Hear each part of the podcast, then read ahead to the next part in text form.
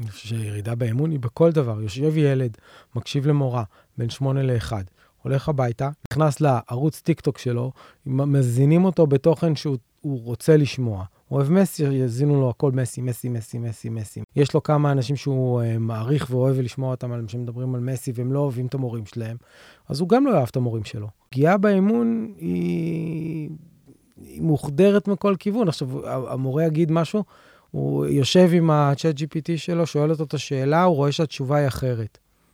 הוא, על מי הוא סומך יותר, על ה-chat GPT או על המורה? You have reached your destination. הסינגולריות, פודקאסט על בינה מלאכותית שפוגשת מציאות, עם גלית גלפרין וחן שיר.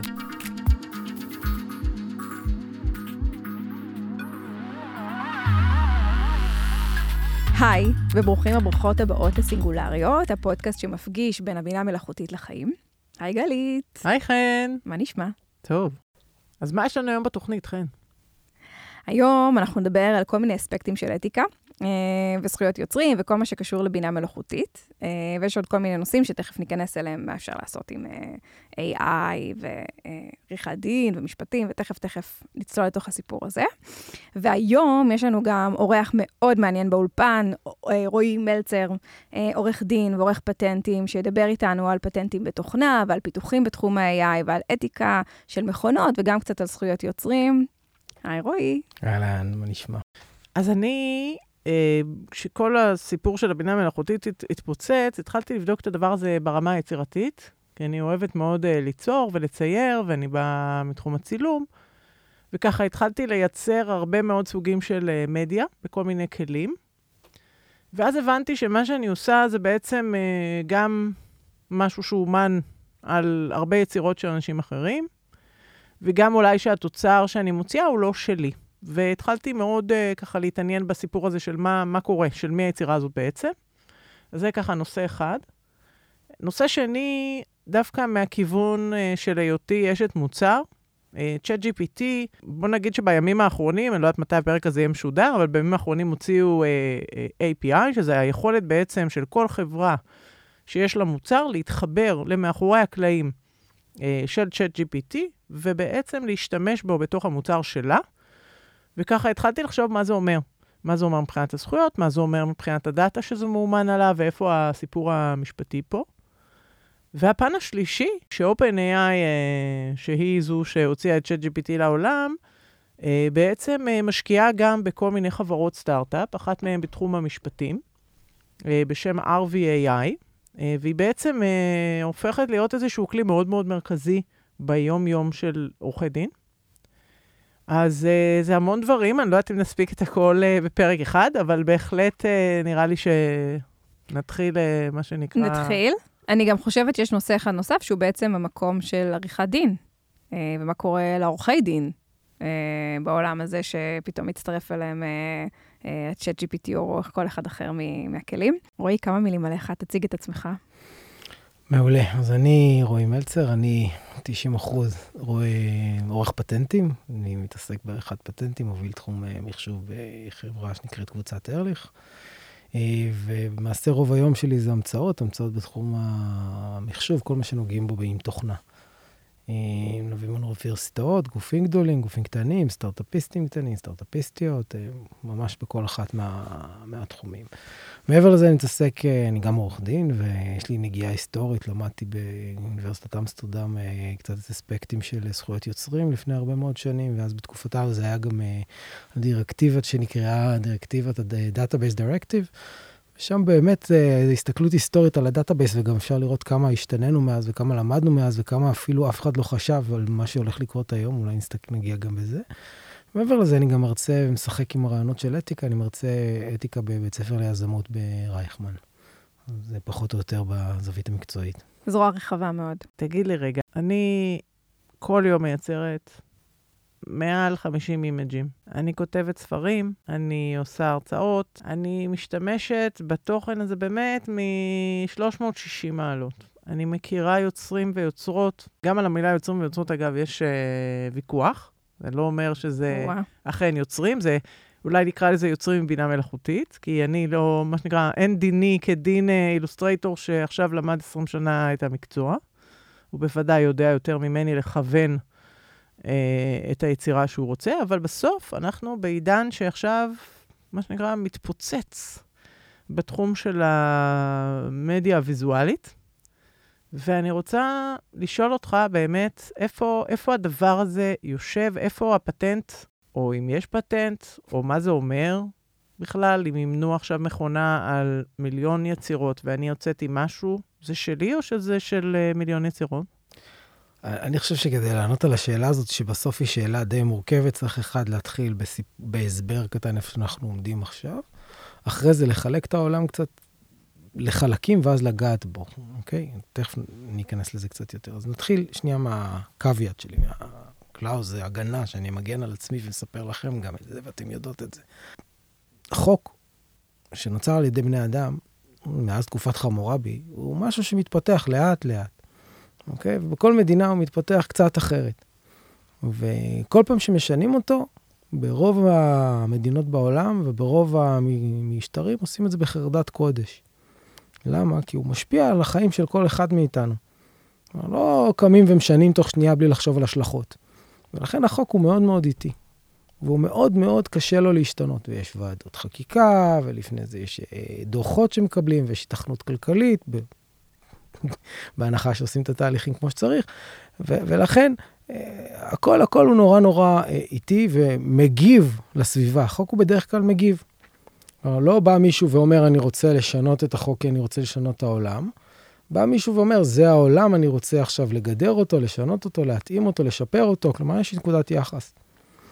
לכן הוא הולך לאט. אוקיי, אנחנו נקרא לו לצורך העניין האדם הזקן, הוא הולך מאוד מאוד לאט. טכנולוגיה.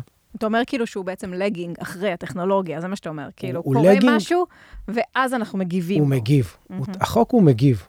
כן. הוא תמיד מגיב. Mm-hmm. אוקיי, יש לך מציאות, אתה לא רוצה אותה, אתה רוצה לשנות אותה, יש לך חוק, הוא מגיב. Mm-hmm. גם הטכנולוגיה מגיבה. הטכנולוגיה והחוק הם שניהם אבולוציונים. Mm-hmm. אוקיי? כלומר, החוק המתאים לסביבה שלו שורד, והחוק שאיננו מתאים לסביבה שלו שורד, אבל ההליך הוא איטי.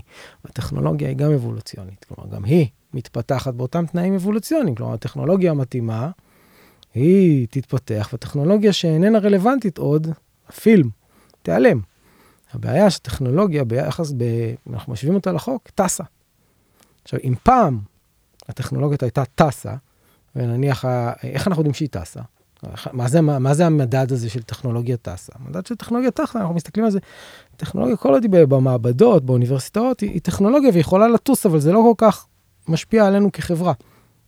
אנחנו לא צריכים לדון בזה כל כך בממד של איך זה בא אליי, אני יוצרת, מה זה קורה איתי. זה, זה בתיאוריה, יכול להיות שיש עכשיו פיתוחים מטורפים במחשוב קוונטי, ויש. אבל זה עדיין לא נוגע לך, כי זה לא בשוק. איפה אנחנו מסתכלים על זה? אנחנו מסתכלים על הטכנולוגיה על כפי קצב האימוץ שלה. אוקיי? אז לפני מאות שנים, או עשרות שנים, אז קצב האימוץ היה 70 שנה לטכנולוגיה, 50 שנה לטכנולוגיה, עד שהיה אה, מעל 50% מהבתים מקררים עברו יותר מ-70 שנה, עד שהיה, ניקח רק את ארצות הברית, כן? אני לא הולך לאפריקה. אומר שהיום אין לך כמעט אה, שום יכולת להתמודד עם הדבר הזה. אז אני, אז אני אומר שפעם עוד היה לי, היה לי זמן. התחילה, התחילו לאמץ מקררים, יהיה לי חוקי הגנת הצרכן למקררים. התחילו עם החשמל, יהיה לי את האחריות לספקים וחלוקה לספקים ומונופולים. התחילו עם האינטרנט, עדיין היה לי עוד זמן קצת, אז התחילו, התחלנו להריח את הבעיה, ואז כבר אה, הגיע, הגיעו יהוגים כמו לורס לסיג, והתחילו לדבר על מה אנחנו עושים עם פתרונות חליפיים, ומה עושים בינתיים עד שדברים מתאפסים. אנחנו הגענו היום לנקודה, אני עושה קפיצה, כי הרשתות החברתיות אומצו עוד יותר מהר, וגם אותם לא סיימנו לחוקק. אוקיי? יש לנו בעיות, בעיות אדירות בנושא האתי ובנושא החוקי של רשתות חברתיות, ומה שהם גרמו לנו כחברה. זה נראה כאילו העולם אוכל את המקצוע בקצב שלו. המקצוע הוא לא ערוך בכלל להתמודד עם זה, אין לו שום סיכוי, ובכלל לנו, אז, אז שים את המקצוע השנייה בצד. החוק, אין, אין לו סיכוי. תוך, הגענו תוך חודשיים למעל ל-100 מיליון משתמשים. לא היה דבר כזה. אני, אני מדברת על המקצוע כחוק, כי בסוף תראה... אה, על מקצוע כחוק. כן, כי בסוף תראה, אני עכשיו בנקודה שיש לי הרבה מאוד uh, דברים שאני מייצרת, ואני רוצה למכור אותם, אבל אני לא יודעת כרגע מה לעשות. עכשיו, יכול מאוד להיות שאתה אומר לי, תשמעי, זה ייקח את השנה, שנתיים, עד שזה ידביק את עצמו, ובסוף מישהו יחליט. אבל, אבל אני רגע רוצה לרדת למהות. אז אני יורד איתך למהות, אני רק נתתי לך את כל זה כדי לספר לך למה התשובה שאני אתן לך לא תספק אותך. אוקיי. אוקיי? אוקיי, אז בואו נסגור את הראיון. אוקיי. אז א', יש לנו אלינו הצהרת כוונות, את יודעת, הגענו לשיחה, אני רוצה שתביני מה הכי טוב שנצא ממנה. אוקיי? אז אנחנו היום, הטכנולוגיה טסה לנו בטיל מטורף, המשפט רץ לאט מאוד, הוא מוגבל עוד פוליטית, כי יש דברים אחרים שמעסיקים אותו. הוא בדרך כלל מונע בשנים האחרונות על ידי לוביסטים, ואפילו הלוביסטים עדיין לא הכריזו ולא יודעים מה הם רוצים לעשות. אז אנחנו בשלב שהחוק הוא נורא נורא איטי ונורא קשה לו להתקדם. עכשיו, עם ההצהרה הזאת, נלך לשאלה שלך. השאלה שלך אמרת, אני מייצר, אני אתמול ייצרתי הכל בעצמי, היום אני מייצרת בעזרת מכונה, או שהמכונה, אני אומרת לה מה לייצר. פעם הייתי author, היום אני מקסימום co-author. נכון. אוקיי. אגב, אני רוצה רגע לתת קוריוז. לקראת המפגש שלנו דיברתי עם ChatGPT, ואמרתי לו, בוא נכתוב שיר יחד. כתבנו שיר. אמרתי לו, תעשה ככה, תשנה לו את השם ככה, עשינו שם עבודה. ואז אמרתי לו, טוב, אני רוצה למכור את השיר, ואז הוא כאילו נעמד על הרגליים האחוריות, והתחיל להגיד לי, את לא יכולה למכור משהו, כי אני ה-co-owner שלו וזה וזה וזה, את צריכה לקבל את ההסכמה שלי. אמרתי לו, יופי, מעולה. תגיד לי עם מי אני צריכה לדבר, 20 הודעות של give and take על עם מי אני צריכה לדבר, ואז הוא נתן לי את, ה, את המייל של יגאל, את OpenAI, דברי איתם. שלחתי להם מייל, הם קראו אותו מיד. ממש, ישר קראו אותו, וב-24 שעות מהרגע שהוא נשלח, הוא נקרא עשר פעמים כבר. פעם אחרונה שבדקתי. זה אומר שמישהו כבר בוחש בעניין. עכשיו תמשיך. מדהים. א', יפה ששאלת אותו. סיריוסלי? כן. עכשיו, זה בהחלט סיפור מעניין. עכשיו, תכף נדבר על נושא הבעלות. אמרנו, אנחנו מחלקים לשתיים. אני, כשאני מגיע לעולם, ל, אני הרי מגיע מעולם הפטנטים ב, בהוויה שלי. מה זה פטנט? פטנט זה פתרון טכנולוגי לבעיה. יש בעיה בעולם, יש פתרונות בעולם, יש פתרון טכנולוגי בעולם, לא מה אתה עושה, אלא איך, והפתרון הטכנולוגי זה צריך להיות מיוחד והמצאתי. אז אני חייב לפרק דברים לגורמים כדי להבין. אז אנחנו דנים, דנים בהמצאות שנוגעות ל machine learning, ואת זה אנחנו עושים כבר מ-2005, בסדר? לא המצאנו כלום. אני תמיד מחלק את זה לשניים. יש את העולם של, יש את ה training, את האימון, ויש את ה inference, השימוש. נכון. שאם אנחנו לא, נפ... לא נפריד ביניהם, לא נצליח לדון. אוקיי, אז בעצם אתה אומר, כאילו, בחלקים האלה שאנחנו מדברים על, אה, על, על ה-IP, כן. בעצם על הזכויות יוצרים, אנחנו צריכים להחליט, לה, להחליט על מה אנחנו מדברים. אנחנו מדברים על חלק של, אנחנו מאמנים את המכונה, מלמדים אותה להיות מה שהיא, או שאנחנו מדברים על האאוטפוט, בעצם החלק של היצירה. נכון, זה אוקיי. גם מאוד מקל עלינו, כי בסוף, בסוף, בסוף, בסוף, רובנו בעולם צרכני, אה, צרכני קצה. כצרכני קצה אנחנו לא מאמנים, אנחנו משתמשים. כלומר, שאלת האימון, אנחנו משאירים לגדולים, למאמנים, ליצרנים, אולי יהיו כאן סטארט-אפים שיעשו אימון חלקי. זה מה שאני רוצה לשאול אותך. הסיפור של האימון, בעיניי, כן. אוקיי? בעיניים של, שלי כאשת מוצר, שנייה, לא כיוצרת. Mm-hmm. אני שנייה רגע מחליפה את הכובע, ואני רוצה רגע לעבור, אה, לשאול על הכובע השני. אני עכשיו אה, מנהלת מוצר בחברה. אני עכשיו אה, רוצה להכניס את היכולות של ChatGPT לתוך המוצר שלי, לטובת העניין.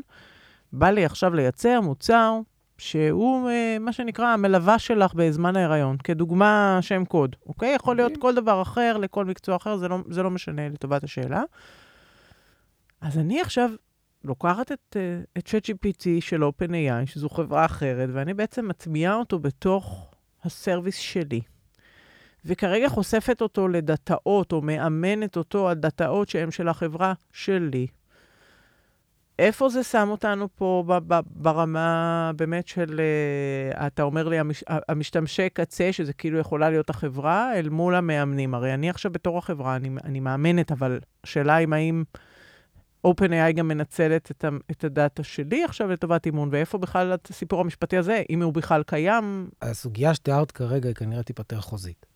לפני שנבין את הקונספט הכללי. למה היא תיפטר חוזית? כי המאמן זה צ'אט GPT. הדאטה בסיטואציה שאת תיארת הוא שלך. את הכנסת ואת אחראית עליו. אם הלכת והבאת דאטה, נניח של צלם, שאת נורא נורא אוהבת, וסתם הורדת תמונות שלו מהאינטרנט, והשתמש בהם כדי לדחוף אותם לצ'אט GPT ולייצר מוצר מסחרי, שהוא מותאם לאותו צלם ספציפי, אז כנראה שהפרת זכויות יוצרים. כי לקחת דאטה מאוד מאוד סגור, מאוד מאוד ספציפי של אדם אחד בלי רשות, ואת דחפת אותו לצ'אט GPT, כנראה שעליהם תהיה הגנה, כמו שיש היום על יוטיוב, שאומרת, אם אתה מעלה תוכן, אז כן. אה, יוטיוב לא צד מפר. שלישי הם לא, הם לא נותנים, לא. אבל אם זה של החברה שלי, זאת אומרת, היוזריות שלי כרגע, הם הסכימו לתת לי את המידע, המידע הוא של החברה שלי, אני חושפת אותו כרגע לצד השלישי הזה, שזה OpenAI, האם הם יכולים להשתמש לי בדאטה? אז זה, ש... אז זה כבר שאלה, שוב, כנראה חוזית. אם בחוזה כתוב שאנחנו יכולים להשתמש לך בדאטה, אין לך איזה חוק שיגן עלייך מעל זה. אם כתוב בחוזה שתביאי את הדאטה, אנחנו נשתמש בה, נעשה מה שבא לנו, בעיה שלך, זו אולי בעיה שלך, ואז במקום להשתמש ב-OpenAI, תשתמשי מחר בבארט.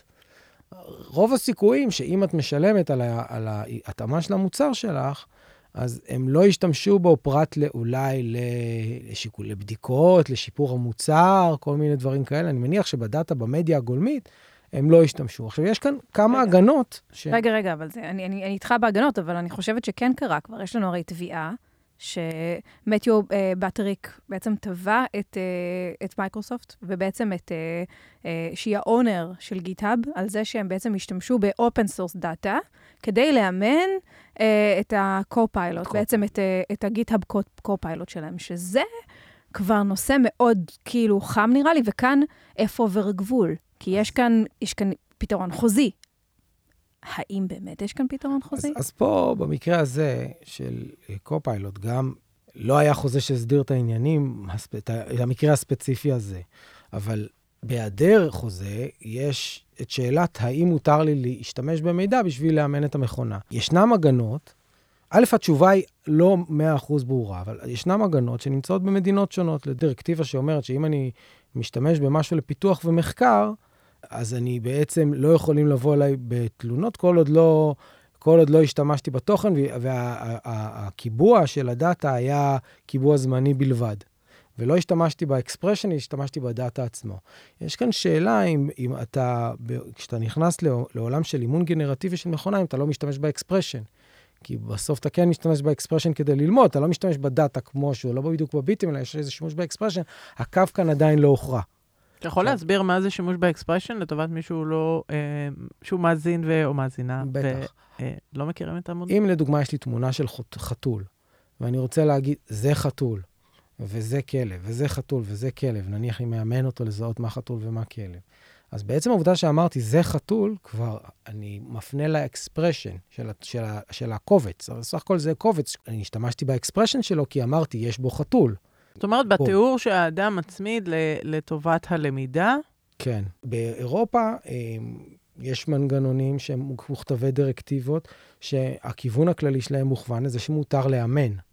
אה, בארצות הברית יש אה, אה, מקרה דומה, יש אפילו פסיקה שנפסקה בנושא של איגוד הסופרים נגד גוגל, שגוגל למדה על ספרים, והסופרים אמרו, רק שנייה, מה אתם לוקחים את הספרים שלנו ולומדים מהם? משתמשים בהם, מקדלים, אמנם שם זה היה בשביל הקטלוג ובשביל החיפוש, אבל אמרו, מה זה, מה, באיזה, מי נתן לכם אישור? מאותן פסיקות, מאותן הלכות, מאותן דירקטיביות, אנחנו יודעים שיש היום מנגנונים שאומרים, אם אני אמרתי במפורש להוציא את היצירה שלי, אתם מחויבים להוציא את היצירה. אז זה בדיוק מה שרציתי אז יש לי אופט-אאוט כאילו? כן. יש לך אופט-אאוט, כן. אין לי היום, opt-in. היום, היום אם את, אה, נניח, ב, בכל מיני אתרים כאלה ש, של אומנים, של stock photos וכולי, הם מאפשרים לך בתנאי השימוש, תתקן אותי אם אני טועה, אבל את יכולה לעשות opt-out. זאת אומרת, התכנים שלי הם off limits, זה משהו שנכנס לאחרונה, זה לא איזה משהו שאני מכירה אותו מפעם, אבל תראה, אם אני מבקשת עכשיו לעשות, אה, תעשה לי תמונה של... אה, אישה עומדת בשמלה לבנה בסגנון דלי או בסגנון מירו, אז בוודאי ובוודאי שביקשתי סגנון של מישהו, אז אולי אפשר לטעון שאני, שאני כאילו אה, מפרה זכויות יוצרים. מצד שני זה סגנון, סגנון זה במקרה דבר... הזה כנראה שלא, כי הם מתו לפני יותר מ-75 שנה. נכון, וזה אבל- גם- בסדר, אז, אז בואו ניקח את אסף חנוכה, בסדר? אוקיי. אז אני יכולה לבקש, אם אני עכשיו מבקשת משהו בסגנון שלו, סגנון מוגן בזכויות יוצרים? סגנון יכול להיות מוגן בס- בסג- בזכויות יוצרים, אם באמת ה- היצירה עצמה הסופית, אה, יש בלבול בינה לבין היצירה המקורית. זאת אומרת שאם אני עכשיו אבל- מציגה יצירה שהוא צייר כביכול עכשיו, עם תמונה של ההפגנה בקפלן, אה, וזה נראה שזה הוא, ויכולים לחשוב שזה הוא, כי זה נראה שזה הוא, ניסיתי, אז, אז אני בבעיה. זאת אומרת שכן, יש לי פה, שוב, ודלי אה, וכולי, זה רק, זה רק דוגמה, אבל זה באמת יכול להיות אומן בן זמננו, זה יכול להיות גם צלם, אגב. אני אני- נתקלתי בפרופיל אה, אה, אינסטגרם של צלם, פורטרטים, שהוא בעצם התחזה לצלם פורטרטים, אבל זה למעשה בכל שלושת החודשים, והוא היה ככה עם הרבה מאוד עוקבים, הוא היה מאוד מפורסם, והוא פשוט באיזשהו שלב נשבר והודה שזה הכל אה, הוא עשה עם בינה מלאכותית, שהוא לא צלם. אז, אה, וזה ממש אה, ככה התפוצץ לאחרונה, הדבר הזה, אז, אז בעיה. אני חושב שאם אנחנו מסתכלים על העתיד, אז לפחות כרגע יש לי תחושה שהנכזות היא תהיה מאוד מהותית להחלטת העבירה. כלומר, אם אתה באמת מנסה להיראות ומשדר שזה מה שאתה, אלה הפרומפטים שהשתמשת לייצר, כלומר, בסגנון אסף חנוכה, ויהיה אפשר להוכיח שאלה הפרומפטים ש- ש- ש- שהתכוונת, שהשתמשת בהם, וגם ברווח שלך ניסית להידמות לאסף חמו- חנוכה, או השתמשת ב brand שלו, אז יכול להיות שאתה תמצא את עצמך במצב של הפרת זכויות יוצרים אה, בצורה מאוד אה, מהירה, גם ללא הוכחת נזק, כמו שעושים היום. כלומר, זה לא, זה לא הזוי שאם הכוונה שלך הייתה לעשות כמוהו, הלמידה שלך הייתה על data שלו, ה output היה כמוהו, וגם השתמשת בשם שלו כדי למכור, אז ברור שכל הנגזרת הזאת היא, היא כוונתית הפרת זכויות יוצרים. אבל יש כאן בעצם שלושה חלקים. בעצם יש כאן, כאילו, אנחנו שלושה שותפים בעצם ל, ל, לזכויות יוצרים. יש פה את אסף חנוכה לצורך הסיפור, name, name code, אבל כאילו, קוד כן. name, סליחה. אה, אבל כאילו, יש מישהו אחד. יש אותנו, אלה שבעצם ביקשו, שותפים ליצירה, ויש, מה שדיברנו עליו בהתחלה, יש את ה... כאילו, אומר, ג'רני, את סטייבל דיפיוז'ן, לא. משנה הכלי. כלי, אז וכאילו, פה- איפה עובר הגבול בין מה שאני יצרתי איתו, ונגיד, ולא אמרתי לו בסגנון של, בוא נייצר ביחד. אז פה נצטרך באמת לבדל בינינו לבין, לבינם. כלומר, גם אם אנחנו מעוולים במשותף, אנחנו נשפטים בפני בית המשפט בנפרד. אוקיי? כלומר, אז צריך להחליט אם אנחנו, אה, אה, מי הפר את הזכויות יוצרים. אז יש כאן שאלה מעניינת. אה, הרי זה כלי ביד היוצר. יש פה, וזו שאלה שמלווה אותנו לא רק בג'נרטיב AI, היא מלווה אותנו ב-AI בכלל. כלומר, השאלה הבסיסית שאתה לומד מבחינה אתיק, באתיקה, אומרים, מה ההבדל בין יצרן פטיש ליצרן אה, רכב אוטונומי, במשפט של, אה, שבו יש נפטר מהפטיש או מהרכב האוטונומי? מה, מה ההבדל? הרי הפטיש, תפס אותו בן אדם, לקח החלטה לדפוק את הפטיש בראש של מישהו והרג אותו. אז ברור לנו שהיצרן פטישים לא בתמונה, נכון? מצד שני, כשיש לנו בעלים, מישהו שנוהג ברכב אוטונומי, והוא לרגע החליט לתת לרכב לנהוג, והרכב הרג מישהו בטעות, אז ברור לנו שאולי למי שיצר את הרכב האוטונומי יש חלק במותו של אותו אומלל מהסיפור. אוקיי? כלומר, יש כאן את uh, מוטיב ההחלטה במה להשתמש ובמה לא. כלומר, מה, מה החבות שחלה על, על, על אותו יצרן של בינה מלאכותית, וכמובן, כמו שזה נראה שתהיה עליו חבות, כי בניגוד לפטיש, הרכב יכול לקחת החלטה. כלומר, בניגוד. ל- לחתיכת קוד רגילה, בג'נרטיב עברנו שלב. קרה משהו. אבל זה בדיוק מה שאני טוענת. אני טוענת שאם אני עכשיו מזינה, ואני אקח את אה, אה, ההיריון כדוגמה, אם אני עכשיו נתתי לו כל מיני חוקים של, של דברים שקורים, אוקיי? הריון תשעה חודשים, יש לנו סטפים בדרך, אני האזנתי לו את כל הדאטה, הוא מבין מה, מה זה אומר הריון, מה השלבים, מה הבדיקות, מה, מה הדברים שצריכים לקרות. ואני בעצם שלחתי את הדאטה הזה לדרך, ועכשיו זה יכול לעשות מה שהוא רוצה. בהתאם לכל מה שאישה בהיריון תשאל אותו. זה שעכשיו אני בהיריון, הוא חן בהיריון, יכולות לשאול דברים שונים לחלוטין, הוא יכול לקבל תשובות שונות לחלוטין, ובעצם יש לו, יש לו סוג של, במרכאות, החלטה. זה גם משהו שאתה אומר, זה, זה משהו שהוא יצרן. אז כנראה ש, שאם את רוצה להיות מוכנה ל, ל, ל, לאן שהחקיקה תגיע, היא צריכה להיות לך כנראה, אה, את צריכה לעשות איזשהו אה, due diligence למוצר. כלומר, את לא יכולה להוציא את המוצר ככה. את צריכה להעביר אותו סט של בדיקות ולראות שהוא לא שולח נשים להתאבד, כי הילד, ש... כי, המ... כי ההיריון אה, מתעכב. נכון, אבל זה בדיוק, אני חושבת, הבעיה, אני חושבת, האתית. כן. זה בדיוק הבעיה האתית, שאני צריכה, כאילו, מה שאתה אומר, שאני צריכה בעצם אה, לגדר את ה-AI. אני חושב שיש סיכוי לא רע שמוצרים שמבוססי AI אה, יצטרכו לעמוד בתקנות של בדיקה ולהוכיח גידור. כמו אגב, וזה לא כזה חריג, שאתה, אה, אם תגיע לבית משפט על קוד שנפל ובגללו אה, גרמת לפיצוץ בתחנת דלק, ישאלו אותך, סליחה, אתה עשית penetration test או לא עשית penetration test? כי אם לא עשית penetration test, שזה ה-common practice, אז אתה רשלן. כלומר, יכול להיות שתביעות הרשלנות יגיעו גם... כל הפרקטיקות האלה הן אה, לא קיימות, הן אה, אפילו לא, זאת אומרת, הן אפילו עוד לא נולדו. זה, זה עכשיו אה, בכלל, גם סם אלטמן, שהוא, שהוא הוא בעצם OpenAI, אומר, אני צריך רגולציה על הדבר הזה, אנחנו לא יודעים... אם אנחנו לא נדע לגדר את זה, אנחנו לא יודעים לאן הדבר הזה יכול להגיע. לגמרי. וגופים גדולים כמו מייקרוסופט וגוגל, יש להם חוקי אקטיקה פנימיים לפיתוח. והם לא עשו את זה מהתנדבות, הם עשו את זה כדי להגן על עצמם במצב שאם יום אחד יתבעו אותם על תוצרים של מה שהם עשו, שזה מה שיקרה. אני לא יודע אם OpenAI אפילו, מאחר וזו חברה צעירה, יש לה אפילו את, ה, את המינימום אה, כללי אתיקה האלה ש, שמיושמים בחברות הגדולות. הייתי רוצה לשאול אותך איזו שאלה כזאת, בגלל שפתחנו ממש רחב, ואנחנו, הנושא הזה הוא עצום, באמת. אנחנו יכולים לדבר, סליחה, אנחנו יכולים לדבר עכשיו ארוכות על גם האתיקה וגם האחריות שלנו כיוצרים, גם האחריות של אה, כל אותם מוצרים שמאפשרים לנו לייצר אה, אה, את התוכן. אה, יש כאן המון המון נושאים שזזים, והייתי רוצה לשאול אותך, האם אנחנו צריכים עכשיו לבוא ו... ככה לגדר איזושהי אחריות שיש לנו בתור, אה, בתור מפתחים של מוצרים בעתיד. מה יהיה הדבר הזה שאתה אומר, תעשו את זה? כאילו, כזה, אתה א', ב', ג' וד' שצריך לעשות. ככה תעשו את זה. בשילוב עם AI כמובן. זו שאלה מאוד מאוד קשה, והיא מאוד מאוד קשה כי היא נגזרת של המוצר.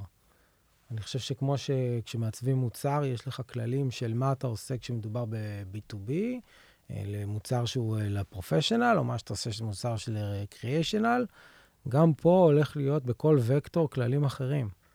ו... וגם פה יש את החוק. החוק הוא כן קובע אחריות. כלומר, חוקי רשלנות כמו שהם היו, הם יחולו גם פה. וחוקי אה, בעלות בזכויות, הפרות זכויות יוצרים, שאגב, לא הגענו לזה לדון, אבל זה החוק כבר מגדיר מה זה הפרת זכויות יוצרים. אם מישהו יעשה עכשיו, גם עם מיד ג'רני, מיקי מאוס, לובש נעלי נייק, ורוכב על סוס שנראה בדיוק כמו אה, סוס מהסרט האחרון של דיסני, אז ברור שהוא מפר זכויות יוצרים וסימן מסחר. כלומר, גם סימן שלך של נייק, גם זכויות יוצרים של הסוס, וגם עם, אה, עם מיקי מאוס, לדעתי הזכויות שלו פגו השבוע. באמת? מה זה עכשיו קורה האירוע הזה. וואו. אבל, אבל אז, אז, אז, אז, אז, אז, אז זה נגמר פה, אז אין פה שאלה. זה, לא, זה שזה נוצר על ידי מיד ג'רני לא משחרר אותך בתור מי שכתב את ה prompt, זה לא נותן לך איזושהי הגנה. מי שכתב את ה prompt ופרסם ועשה את הכסף, זה שעושה את זה מיד ג'רני לא ישחרר אותך. כן, בגדול זה לא משנה אם עשיתי עכשיו נכון. אה, מיקי מאוס בפוטושופ או במיד ג'רני, נכון. עשיתי מיקי מאוס, נכון. נקודה. כן, אבל זה, אבל זה נשמע לי ה-obvious, אני חושבת שהמקומות האפורים הם מעניינים. אז אנחנו לוקח אותך. אז החוק נשאר החוק. מעבר לחוק, כשיש את האירוע הזה, יש עוד שלוש, שלוש כוחות שמשחקים. כוח אחד זה כוח השוק. גם השוק יגיע מה, יגיד מה אתי ומה לא אתי מבחינתי. אבל כשהשוק יאמר, אני לא קונה נעליים, שילדים מתחת לגיל 12 עשו אותם, אז, אז, אז השוק ישפיע על המכירות. אז גם השוק יחליט מה אתי ומה לא אתי מבחינתו. אוקיי? השוק לא יאהב אה, שמתחילים למכור יצירות שנראות כמו כל אומנים ולהשמיד את השוק של האומנות, אני מניח. אוקיי? זו שאלה מעניינת, אני לא יודע לאן אנחנו הולכים עם הכיוון הזה, אבל גם השוק הוא כוח.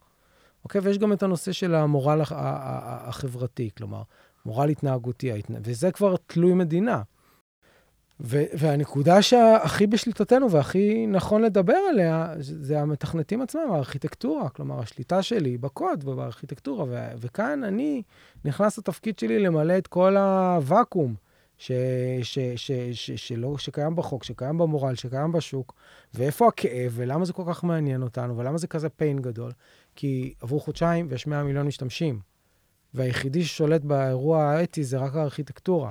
כי השוק לא הבין עדיין מה קורה, אין לו מושג. המורלים החברתיים לא יודעים עדיין איפה הם, אנחנו לא סגורים על איפה אנחנו עומדים בכלל. אוקיי? ואנחנו, ו, והחוק, בכלל, עד שנחוקק כבר, הוא יצטרך להחליף את החוק. אני מרגישה שאני צריכה לפתח באולפן. לפעם הבאה.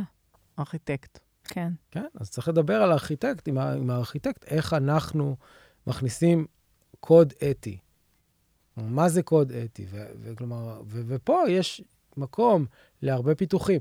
האם המוצר, האם ה output שלי מפר זכות יוצרים או לא?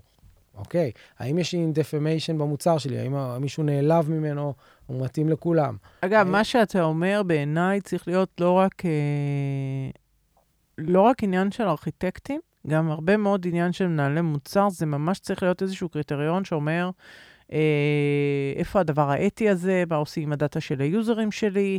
אה, גם, אגב, גם בתור יוצרת עם בינה מלאכותית, אני צריכה לשאול את עצמי את השאלה הזאת, של אה, זה בסדר ליצור עם הדבר הזה, אבל שוב, אם אני משתמשת עכשיו באיזשהו סגנון של מישהו, אני צריכה לדעת שאני מהלכת פה באמת באיזשהו מקום שהוא כרגע, שוב, אה, מקום שהוא כזה לא ידוע, ועוד אין לנו, אין לנו ככה לגמרי בהירות. נכון, אבל צריך גם לזכור, וזה להגנת, להגנת כולנו, שלא קיים, לא קיימת יצירה שלא מסתמכת על יצירה אחרת. ככה המדע נבנה. עד שנגיע לסינגולריות. נשמע של... או, הופה. איזה דרופ. אמ, אני חושבת שאם אני רוצה לסכם רגע מה שאתה אומר, זה שאין לנו עדיין תשובות. לזה לא. צריך לזכור זה שלא צריך להמציא את הגלגל. גם יש, אה, אם משהו יצר, נוצר, יש אה, חוק, חוק זכויות יוצרים יודע להתמודד איתו, זה פחות מעניין אותו. שאלה אחרת, מי המפר, יש שאלת ההפרה. שאלת ההפרה היא נדונה וידועה. שאלת מי המפר זו שאלה שאנחנו עדיין דנים. אנחנו נשאיר זה- את זה למחשבה. כן, זה היה מדהים. זה היה גם סשן מאלף בגבולות. אני חושבת שעשיתי לנו סדר גם איפה עוברים הגבולות בין האימון לבין התוצר של המכונה.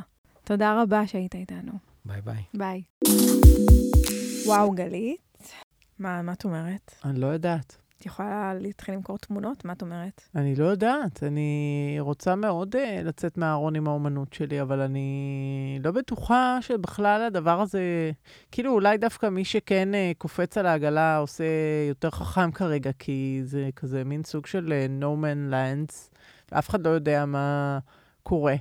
כי אם אני מבינה, ונראה לי שאני מבינה בדיוק כמו שאת מבינה את זה, שהעולם המשפטי, הוא, ייקח לו זמן. הוא ייקח לו זמן, הוא ייקח לו זמן.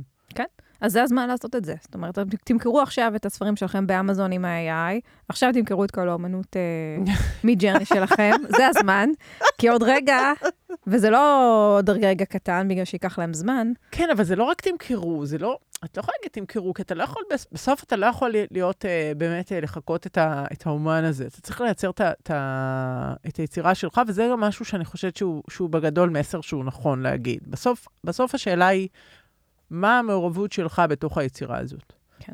Uh, אבל אני חושבת שכן, מאוד מאוד מעניין, ושוב, כשאנחנו מקליטות את הפרק, זה לא בהכרח מה שבאותו זמן שקורה המציאות, אבל, אבל היום אנחנו בנקודה הזו שבאמת נפתח צ'אט GPT, אנחנו נתחיל לראות הרבה מאוד חברות שמתחילות להכניס את הסיפור הזה בתוך המוצר שלהם, וזה יהיה משהו שאנחנו כצרכנים נתרגל מאוד שיש אותו בכל מוצר.